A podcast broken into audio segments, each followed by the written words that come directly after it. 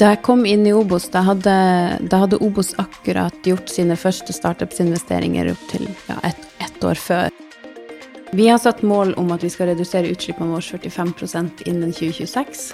Oi, Som er et uh, hårete. Ja. hårete mål.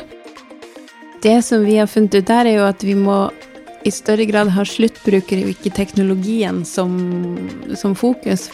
Vi prioriterer dem som i tillegg til alle de du kan si, vanlige kriteriene som du vil få fra enhver investor. Det må være et godt team, det må være skalerbart, de må kunne overbevise om at det er en riktig tech-stack osv. osv. Så, videre. så gjør vi en annen type det, da. For vi ser jo hvordan kan vi være relevant for dette selskapet. Proptech til frokost med Silje og Daniel. En podkast fra Estate Media og Proptech Norway. Velkommen til en ny episode av Proptech til frokost. God morgen. God morgen. Den var rask, Daniel. Eh, Jeg gleder meg veldig da, for at eh, vi har fått eh, besøk av en stor utbygger som du kanskje ikke først og fremst tenker på som en som kan mye om tech. Det skal vi jo motbevise, da. Flere av Proptech-selskapene som Obos da investerer i og bruker i sine prosjekter, kommer faktisk til eh, Proptech Summit veldig veldig snart.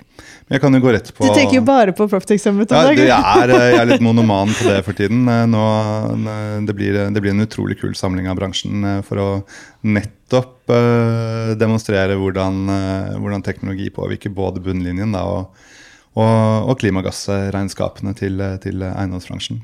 Nå får ikke du lov til å snakke mer om Proptex Proptech Summit, Daniel. Nå må du gå på introen, for vi trenger jo litt tid til å få snakke med dagens gjest også. Ja, vi skal jo endelig snakke litt om og med eiendomsbransjens kanskje største kjendis, Obos, liksom. Folkekongen. Bransjens egen målbærer av den nordiske velferdsmodellen, ikke sant. Ehm, gode, solide boliger for alle, fellesskap, drabant, borettslag, eh, dugnadsånd. Så når da denne boliggiganten år etter år i Daniel Sirais tidsalder viser eh, bedre marginer enn de fleste eiendomsselskaper liksom drømmer om, så er det noen som syns dette ikke rimer noe særlig, og, og så skaper det liksom bråk om alt fra design og boligkvalitet til liksom priser. Eh, og det må være lov å si at da denne støyen hva man enn måtte mene om den, den har nok sendt en annen del av det Obos driver med, litt under radaren. Nemlig satsingen på Proptech og på startups og teknologi. Eh, med eget living lab har dere, og en investeringsarm som har fått et særs godt rykte blant gründerne som har med dem å gjøre. Og de har fått etter hvert Obos en stor portefølje av startups og satt til side noen hundre millioner kroner faktisk til, eh, til teknologiinvestering. Eh, og i da Obos teknologi-cockpit så er det konserndirektør Ingunn Andersen Randa som eh, sitter med ansvar for aksjeinvesteringer og forretningsutvikling, men også liksom hele bankvirksomhet og eiendomsmeglingsvirksomheten i landets største boligbygger. Så hun er her i dag for å svare på hvorfor et system som er så tradisjonelt, nå liksom har blitt en bjellesau i norsk proptech, eh, og som har truffet blink med flere investeringer, og nå satser enda tyngre videre. Velkommen til oss, Ingunn. Tusen takk, og tusen takk for at jeg får lov å komme hit. Det har jeg gleda meg til. Og ikke minst takk for en hyggelig introduksjon av eh, det vi gjør innenfor teknologi i Obos. Der eh, har det jo skjedd mye de siste årene. Men la oss begynne litt med deg, Ingunn. For at din eh, reise til Proptech den begynte jo veldig langt unna en uh, Obos-blokk. en finnmark finnmarking som endte opp med å bo midt i Oslo med mann og to barn. Hvordan har det seg? Du, det var i hvert fall ikke planen. Og hvis noen eh, hadde sagt til meg da jeg var liten og vokste opp i Vadsø i Øst-Finnmark, eh, rett, rett ved Russland, at eh, du kom til å bo på Solliplass nesten med to barn, så tror jeg jeg hadde ikke skjønt noen ting. Så, så det har vært en, eh, en lang reise av litt tilfeldigheter, egentlig. Så Ja, for du er jo siviløkonom. Eh, først tre år i management consulting, deretter ti år med ulike roller i Nordea. Eh, du startet i bank tre uker før eh, Lehman Brothers gikk i veggen. Ganske bratte tider. For Kan du fortelle litt om det? Nei, det å det å starte i bank eh, den gangen var veldig, veldig spesielt. Jeg ble jo ansatt mens ting fortsatt gikk veldig bra. Og så var det jo oppsigelsestid og litt ekstra ferie på den sommeren. Og eh, den første dagen jeg møtte på jobb i, eh, i Nordea og kom fra et lite konsultinghus, så det var liksom bare, bare liksom så mange mennesker som bevegde seg i kantina, var helt enormt. Så tar sjefen imot meg, og så sier hun hei, flott, du er kommet hit. Eh, sett deg ned og les alt om det selskapet her. Vi har lånt ut et par milliarder til dem, og de har i brudd med lånevilkår. Det var før klokka ti. Hva tenkte, hva tenkte du da? Jøss. og så var det bare å slå opp eh, nettsida og årsrapporten og begynne å lese mens da det teamet gikk i møter med, med det selskapet, og deretter så var det mer eller mindre livet mitt det første året på jobb. For det, var, det, var tø det ble jo tøffe tider for mange, men det var en av de som ble truffet tidlig. Ja, for da Så- hadde man jo bilder av, av Lehman Brothers og andre meglerhus i New York hvor ansatte bar ut eh, pappkassene sine og snudde opp ned på, på hele finanssystemet i verden, egentlig. Eh, Jeg, jeg jobba jo i en veldig stor og trygg bank, heldigvis, og det var jo ikke situasjonen der, men det å være en av de, i en bank som var en av de få som stilte priser i dollar, f.eks., eller alt det som skjedde der, det var ganske dramatisk. Jeg hadde en kunde på Island som vi ikke klarte å gjøre betalinger til, så de fikk ikke betalt lønn. Så du fikk liksom den der finanskrisa veldig, veldig, veldig tett på, og se hvordan det kan gå når, når det ikke er likviditet i systemet.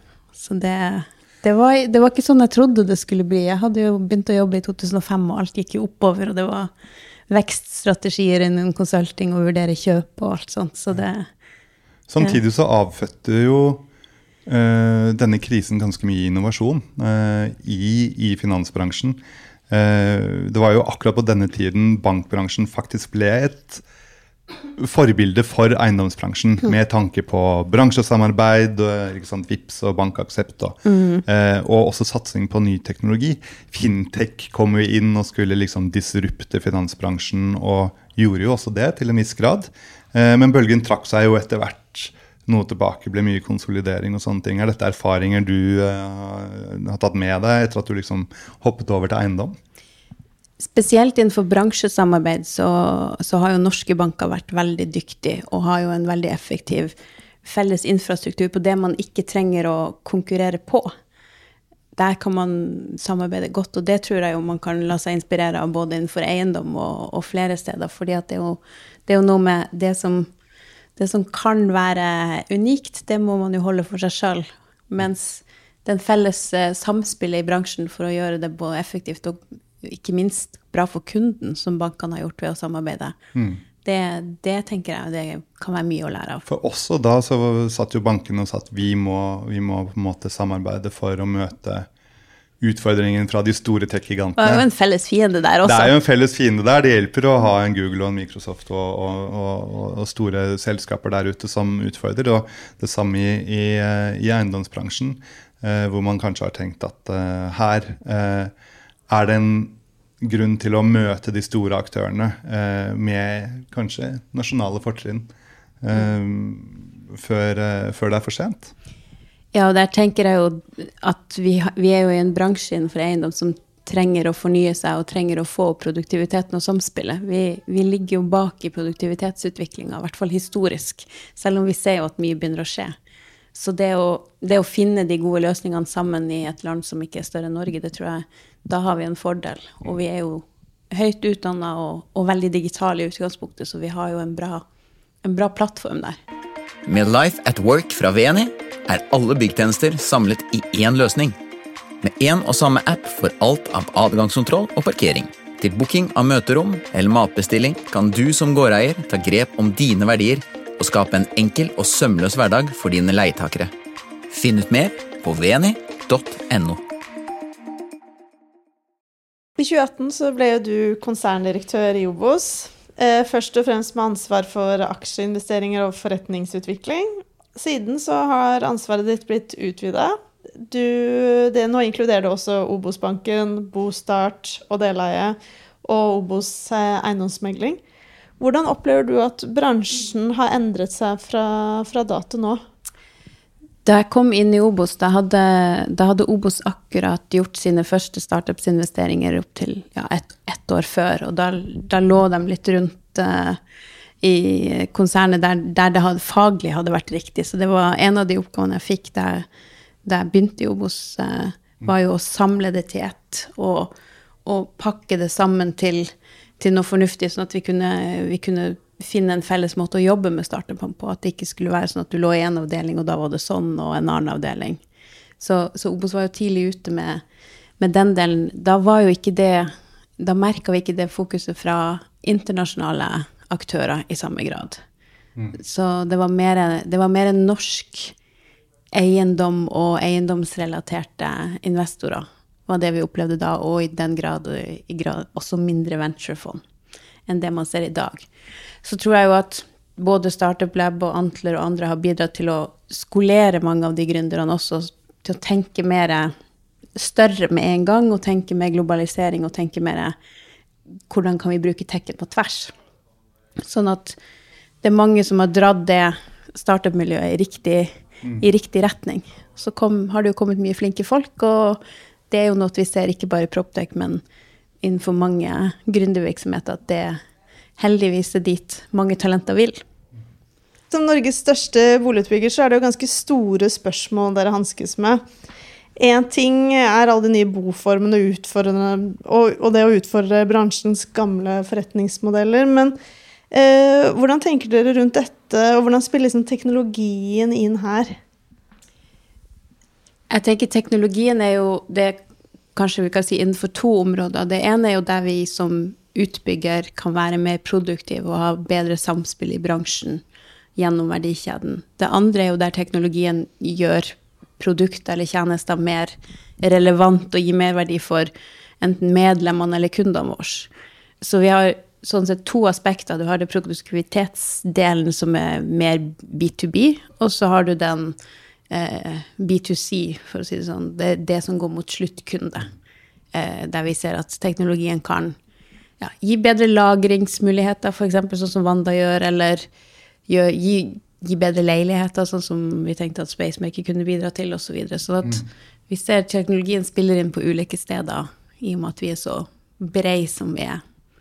Men eh, motivasjonen er jo både å som stor å bidra til en utvikling i bransjen, men også ikke minst gi merverdi til, eh, til medlemmene våre.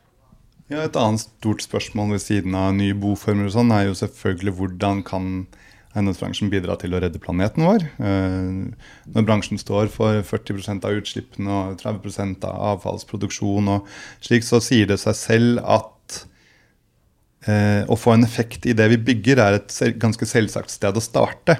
Eh, taksonomien akselererer nå behovet for å få til bærekraftig bygging og drift. Så det vi lurer på er hvordan, hvordan har dette påvirket eh, Obos som konsern? Hva slags målsetninger har Obos satt seg på bærekraft, og i hvilken grad ser man liksom teknologi som en del av løsningen på dette? Det er klart, det påvirker oss jo veldig som konsern i og med at det, det slår inn alle steder. Fra mm. det å få lån uh, og ha grønne bygg, så du etter hvert gjennom taksonomien også er finansierbar, til hvordan kan vi hjelpe folk å redusere karbonavtrykket sitt der de bor. Um, vi har satt mål om at vi skal redusere utslippene våre 45 innen 2026. Oi. Som er et uh, hårete ja, mål, og som vi jobber med å få videre konkretisert. Altså hvor det vi ser på nå, er f.eks. Hvor, hvordan er eh, CO2-avtrykket og klimaavtrykket vårt til et typisk bygg? Om det er en stor, en stor blokk, eller om det er et uh, trehus fra Obos-blokk Vatn eller Obos Sverige. Og hva skal til for å redusere det? Og så tok vi jo tidlig et valg om å bli med alle byggene våre, sånn at vi har et system for det. Mm. Uh, teknologien der er jo uh, viktig, for det går jo både på hvordan måler du, hvordan tar du vare på hva som faktisk går inn i bygget. For skal du kunne rebruke det, så må du jo vite hva, hvordan varer er det vi, eller råstoff vi har satt inn i det bygget her og få en god oversikt over det også seinere. Mm. Og hvordan måler vi utslipp, hvordan styrer vi byggene mer intelligent. Og så har vi jo prøvd å, i Living Lab, å, å uh, gjøre sånn at sluttbruker, altså medlem eller kunden, beboeren, kan finne ut hvor stort er klimaavtrykket deres ut fra Hvor, hvor, lenge, hvor mye varmtvann bruker de, hva, hva gjør de? Så der Unnskyld. Der har vi jo eh, gjort tester på å lage en dataplattform for faktisk å si hvordan kan du som bruker av bygget redusere klima, klimaavtrykket sitt. Og så får vi jo se om det er noe som vi, vi klarer å skalere og ta ut av en pilot. For det er jo ofte ikke rett Så dere har liksom samme tilnærming som for så vidt Entra og andre har, at det setter ganske hårete mål. Sier vi vet ikke helt hvordan vi skal komme dit, men vi må finne ut fort og på veien. Ja, vi finne Vi har ikke alle svarene. Vi er jo avhengig av bransjen, og vi er jo avhengig av hva du f.eks. finner ut i Construction City sitt cluster, hva du finner ut andre steder. Mm. Det er jo mange forskjellige faktorer som er inne her, fra, fra reduksjon av CO2, bruke mindre material, hva får du til innenfor tekken osv. Så, videre, og så, videre. så så det er, ikke, det er ikke ett tiltak som kommer til å, til å løse det her. Det hadde vært deilig om ikke sant? Vi gjør det her, og så check. Ja. Ja. Laft tilbyr en fullverdig FDV-løsning som bidrar til enklere og mer effektiv drift både for små og store eiendomsbesittere. Digitaliser den daglige driften, få bedre innsikt og ta bedre beslutninger for porteføljen. Vi leverer moduler for DV, utleie og renhold, i tillegg til en rekke andre tjenester og integrasjoner. Les mer på laft.io. Du har jo nevnt eh, noen av selskapene som dere er inne i, men er det andre selskaper som du tenker er interessante, som er morsomt å trekke frem? Og hvordan dere ser dem som en fremtidig del av tjenestetilbudet til Obos? Eh, der vi har gått inn, eh, inn tungt og tenkt, eh, tenkt lenge, er jo Det var jo veldig mye diskusjon en stund rundt smart living og hva, hvordan kan du få til smarte bygg? Hvordan kan de bli smart for, for liksom, brukeren? Men det, det hadde vi en gjeng som jobba lenge med, og teknologifokuset var så sterkt der. Og det var ikke ordentlig integrert, og det ble ikke noe sluttbrukerfokus. Så det de konkluderte med etter å ha utreda lenge, var jo at la oss starte med det enkle, la oss starte med døra. Det å ha digital adkomst. Så der, eh, da de hadde jo forska på og tenkt lenge på det, og sa at nå går vi for Unlock, vi vil lage en løsning sammen med dem, da tenkte vi at vi får ikke noe bedre anbefaling enn det her. Så da gikk vi også inn som investor i det selskapet og, og bidro til at de da får selge og mot vårt eksisterende borettslag, eh, og er integrert i de nye blokkene som vi bygger. Og nå har vi gjort neste steg av det og investert i Parkio, som da styrer garasjeporten. Gjør det samme for garasjeporten. Ja, og da er sluttbrukerfokuset, som jo også gjør oss mer relevant for kundene våre. For de får jo et bedre produkt, og det blir lett å dele nøkkel og slippe inn om det er Oda, eller om det er vaskehjelp, eller om det er andre typer leveringer. For her har dere hele tiden eh, altså, Obos-beboeren i, eh, i, i tankene. Eh, Et selskap som Wanda, f.eks., hvor dere også har gått inn, hvor, hvordan passer det inn? Eh, Wanda er jo eh, alt ettersom hvordan du ser det, et logistikk-startup, tech-startup, eh, transport.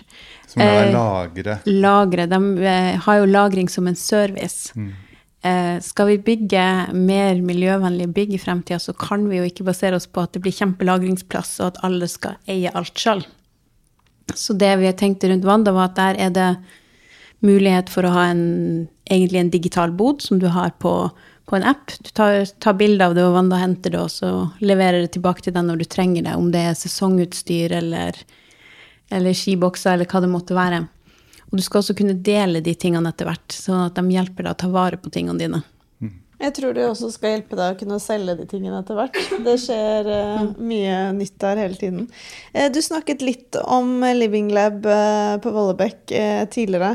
Eh, der har du testa ut teknologi eh, på helt eh, levende mennesker. Hva har dere funnet ut allerede?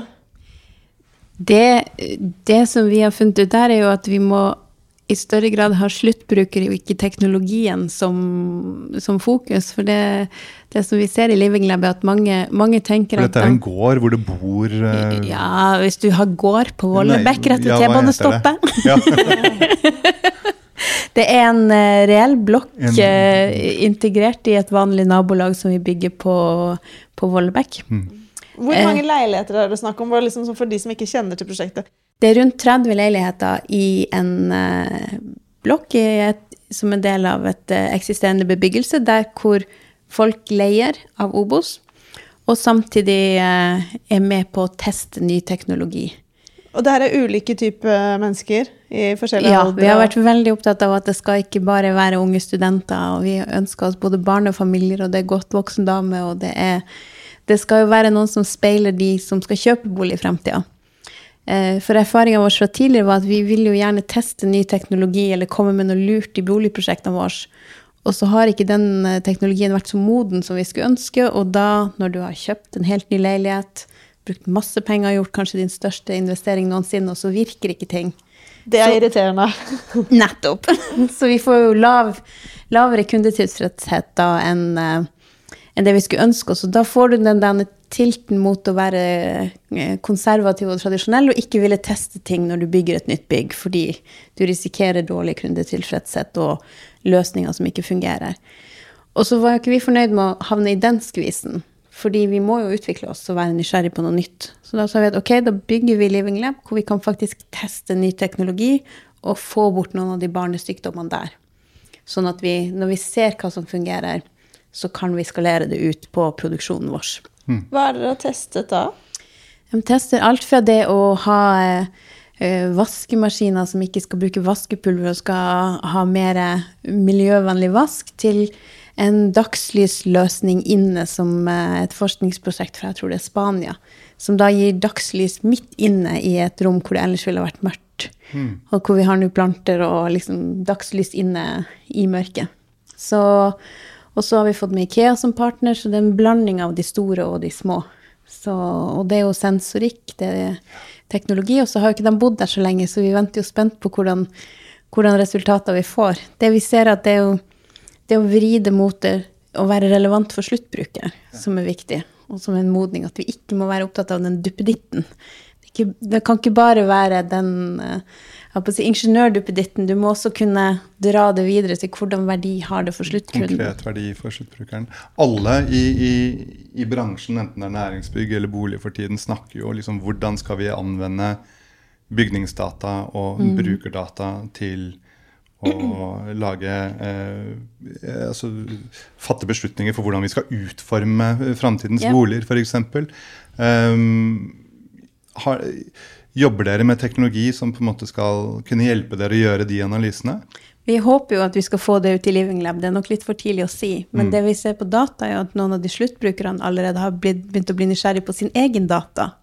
Og kan de bruke den til noe, når det nå blir så mye som er målt. Sånn at det, men det, det er kanskje noen som er litt spesielt interessert når de flytter inn i en Ja. Living Lab. Møller Eiendom er tett på utviklingen av nye teknologiløsninger som forbedrer måten vi kjøper, utvikler og forvalter eiendom. Leverandørsiden er viktig driver for utvikling av bransjen og kundene våre. Det som, det som er med Obos, er at med en så stor eiendomsportefølje som det dere har, så blir dere selvsagt en veldig viktig partner for Proptech-selskapene som dere går inn i, og som dere samarbeider med. Fordi dere kan teste ofte litt uferdig teknologi ikke sant? og gi tilbakemeldinger i en fase der de trenger det aller mest. Eh, og så sa jeg jo i det er jo mange gründere eh, som dere har eh, i porteføljen som skryter av dere. Kan du ikke fortelle litt om hvordan dere investerer, og hva slags type investor dere er?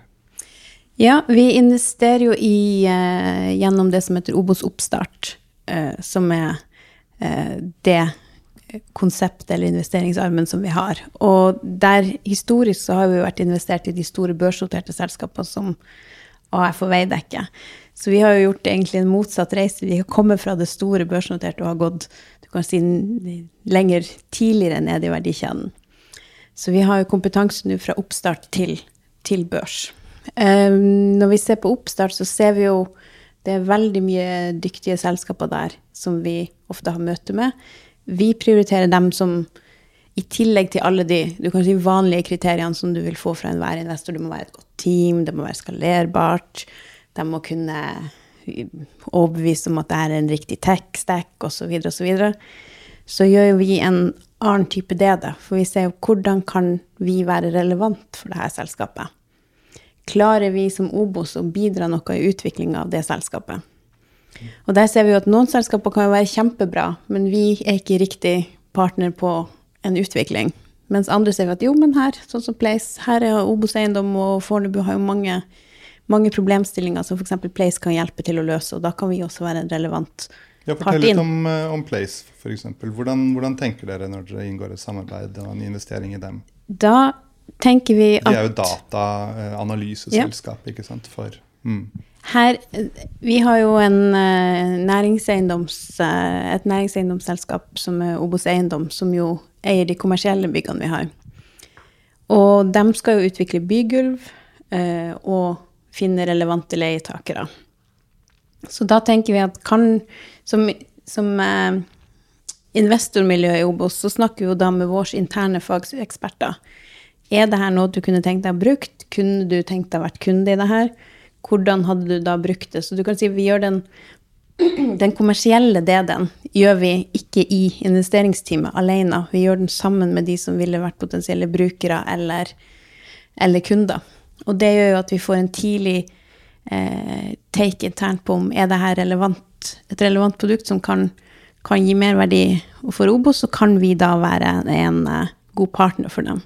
Så da vi investerte i Place, så, så diskuterte vi både med teamet vi har på Fornebu, som jo skal utvikle kjempestort, og med Obos Eiendom. Og så har vi han eh, ene tech-interesserte fra Obos Eiendom som kommer med utviklerperspektivet, som går inn i styret i Place for å bidra med utviklinga den veien. Vi kan jo kjøre litt sånn egenreklame nå. Vi har jo hatt besøk av Snorre. Vi drev også, det var Sondre og Snorre vi drev og byttet om hele tiden fra, fra Place i poden tidligere. Så det er en episode man hvert fall, eller absolutt bør få med seg. Eh, eiendomsbransjen er jo en vanskelig bransje å få til i innovasjon, ofte i hvert fall. Eh, men hva er liksom de viktigste lærdommene som dere har gjort? Det vi har sett, er jo at der vi, der vi enten Altså, vi har jo to typer innovasjon, du kan si. Du har jo de, de som vi gjør sjøl, og der vi prøver å bygge ting sjøl og, og teste nytt. Og så har vi innovasjon sammen med andre, eh, hvor du gjør det i partnerskap. Og begge deler kan jo funke kjempebra. Den, det vi har lært, er at vi må, vi må gjøre ting sjøl der det er nært kjernen. F.eks. Eh, bostart og deleie, som du nevnte. Altså, deleie er jo en, kanskje den største innovasjonen Obos har gjort på veldig lenge. Vi har jo endra forretningsmodellen der på hvordan du kjøper bolig. Kan du ikke fortelle litt om det for de, for, for de som ikke kjenner til det konseptet? Med deleie så kan du kjøpe en halv bolig, og så leier du den andre halvparten, eller hvor mye det blir, av Obos. Så det gjør jo at eh, du trenger mindre egenkapital, som jo ofte er det som stopper folk fra å kjøpe sin egen bolig. Vi så jo at det ble vanskeligere og vanskeligere å komme seg inn på boligmarkedet. Spesielt i Oslo, men også, også utenfor Oslo. Så det det gjør, er at du tar jo ned terskelen veldig for å komme seg inn i boligmarkedet. Eh, fordi du da bare må ha egenkapital og lån til halvparten. Samtidig så må du jo kunne betjene en husleie til oss på den andre delen, som settes etter markedsmessige betingelser. Og den har jo virkelig Vi, vi skalerte fra, først, fra starten av mars. Og nå har det jo vært ekstremt mye salg av deler i det siste. Altså til sammen så er boligkjøpsmodellene 40% av nyboligsalget vårt nå. Så det her har tatt helt av. Tatt helt. Rett og slett. Sier kanskje noe om størrelsen på problemet dere Vi adresserte? har, ja, og det, vi har ikke vært alene om å identifisere det her problemet, men eh, det har jo kosta mye å finne måter vi kan gjøre noe med det på. Og det er jo mange startups som også jobber med det, og vi, vi heier på dem også. Men her, her har vi gjort innovasjon alene. Mens f.eks. Obos-nøkkelen er jo en måte der vi har gjort det sammen med andre, og hatt unlockene som partner for å, for å lykkes med innovasjon. Så det er jo noe med å finne ut, og så er det jo noe med å ikke være redd for å finne på ting som ikke fungerer. Merker dere i Obos at eh, boligens bærekraft, energieffektivitet, teknologisk infrastruktur påvirker eh, folks kjøpevilje eller verdien på porteføljen over tid? Det vi ser er, av en stor undersøkelse vi har gjort, er jo at det folk først og fremst er opptatt av når de skal kjøpe bolig, det eneste som er over 50% er balkong og parkering. Ja. Arkitektur 8 bryr seg om, hvis jeg husker riktig. Og miljøet på er på noe av det samme. Så jeg tror, jeg tror at folk er, folk er nok opptatt av de her tingene, og det varierer jo selvfølgelig. Noen er kjempeopptatt av det, og det, folk er jo forskjellige. De fleste er nok opptatt av å få seg en bolig som passer hverdagen sin, og som fungerer, og som du har råd til, ikke minst. Det der er, veld, er veldig interessant, for at de fleste ville sagt sikkert at ja, arkitektur er kjempeviktig, men det er det som jeg tenker at gjør det såpass eh, viktig å faktisk ha undersøkelser, da. Der man får uh, svar på de tingene. Så her har de vært ærlige, da. Uh, anonym undersøkelse, men det er ja. 7000 som har svart, så ja, den uh... Den er absolutt representativ. Spørsmålet da er jo hvilken rolle du mener våre toneangivende utbyggere, med Obos i spissen, må ta i utviklingen av Proptech for å løse de store fellesproblemene vi har? Jeg tenker jo at her må vi uansett ta et tak for å redusere utslipp og for å, for å kunne bygge fremtida og gode bomiljøer på en, eh, en, en, fin måte. Sånn at det betyr jo ikke at vi skal slutte å kutte i utslipp, det at folk er mest opptatt av balkong eller parkering. Vi må nok gjøre begge deler uansett. Så det, det tror jeg ikke det er noe tvil om. Og og jeg tror jo også at de kravene kommer etter hvert. Men tendensen i hvert fall ser når du spør sluttkunde, er at de er nok mindre opptatt av det enn, enn det du ser på EU og taksonomi. Eh. Jeg, jeg, tenker jo sånn eh, Du er jo født og oppvokst langt unna en Obos-blokk. Men eh, er det sannsynlig at du vil kunne flytte inn i én i fremtiden? En Obos-blokk? Ja. Jeg har bodd i en Obos-blokk i ti år. Har du? Ja da. Bor du fortsatt? Ikke Dag nummer to eh, av barna kom, da ble det litt lite plass. Eh, så da, da, kjøpte vi noe større som ikke var Obos. Men min, den første leiligheta jeg kjøpte i, eh, i, Oslo i 2005, den var et Obos-borettslag. Og der ble jeg ti år. Så den uh, Så, så du, har, du, har, gjort ditt, så det er check? Check på den. Det, det ja, men er man først uh, i Obos, så er man Obos uh, forever. Barna dine skal jo sikkert ikke sant? forkjøpsretten. Ja, Hvis de ikke skal hjem til Kirkenes plutselig. Det vet man aldri. Han tror stadig må flytte til bestemor. Proptech til frokost med Silje og Daniel. En podkast fra Estate Media og Proptech Norway.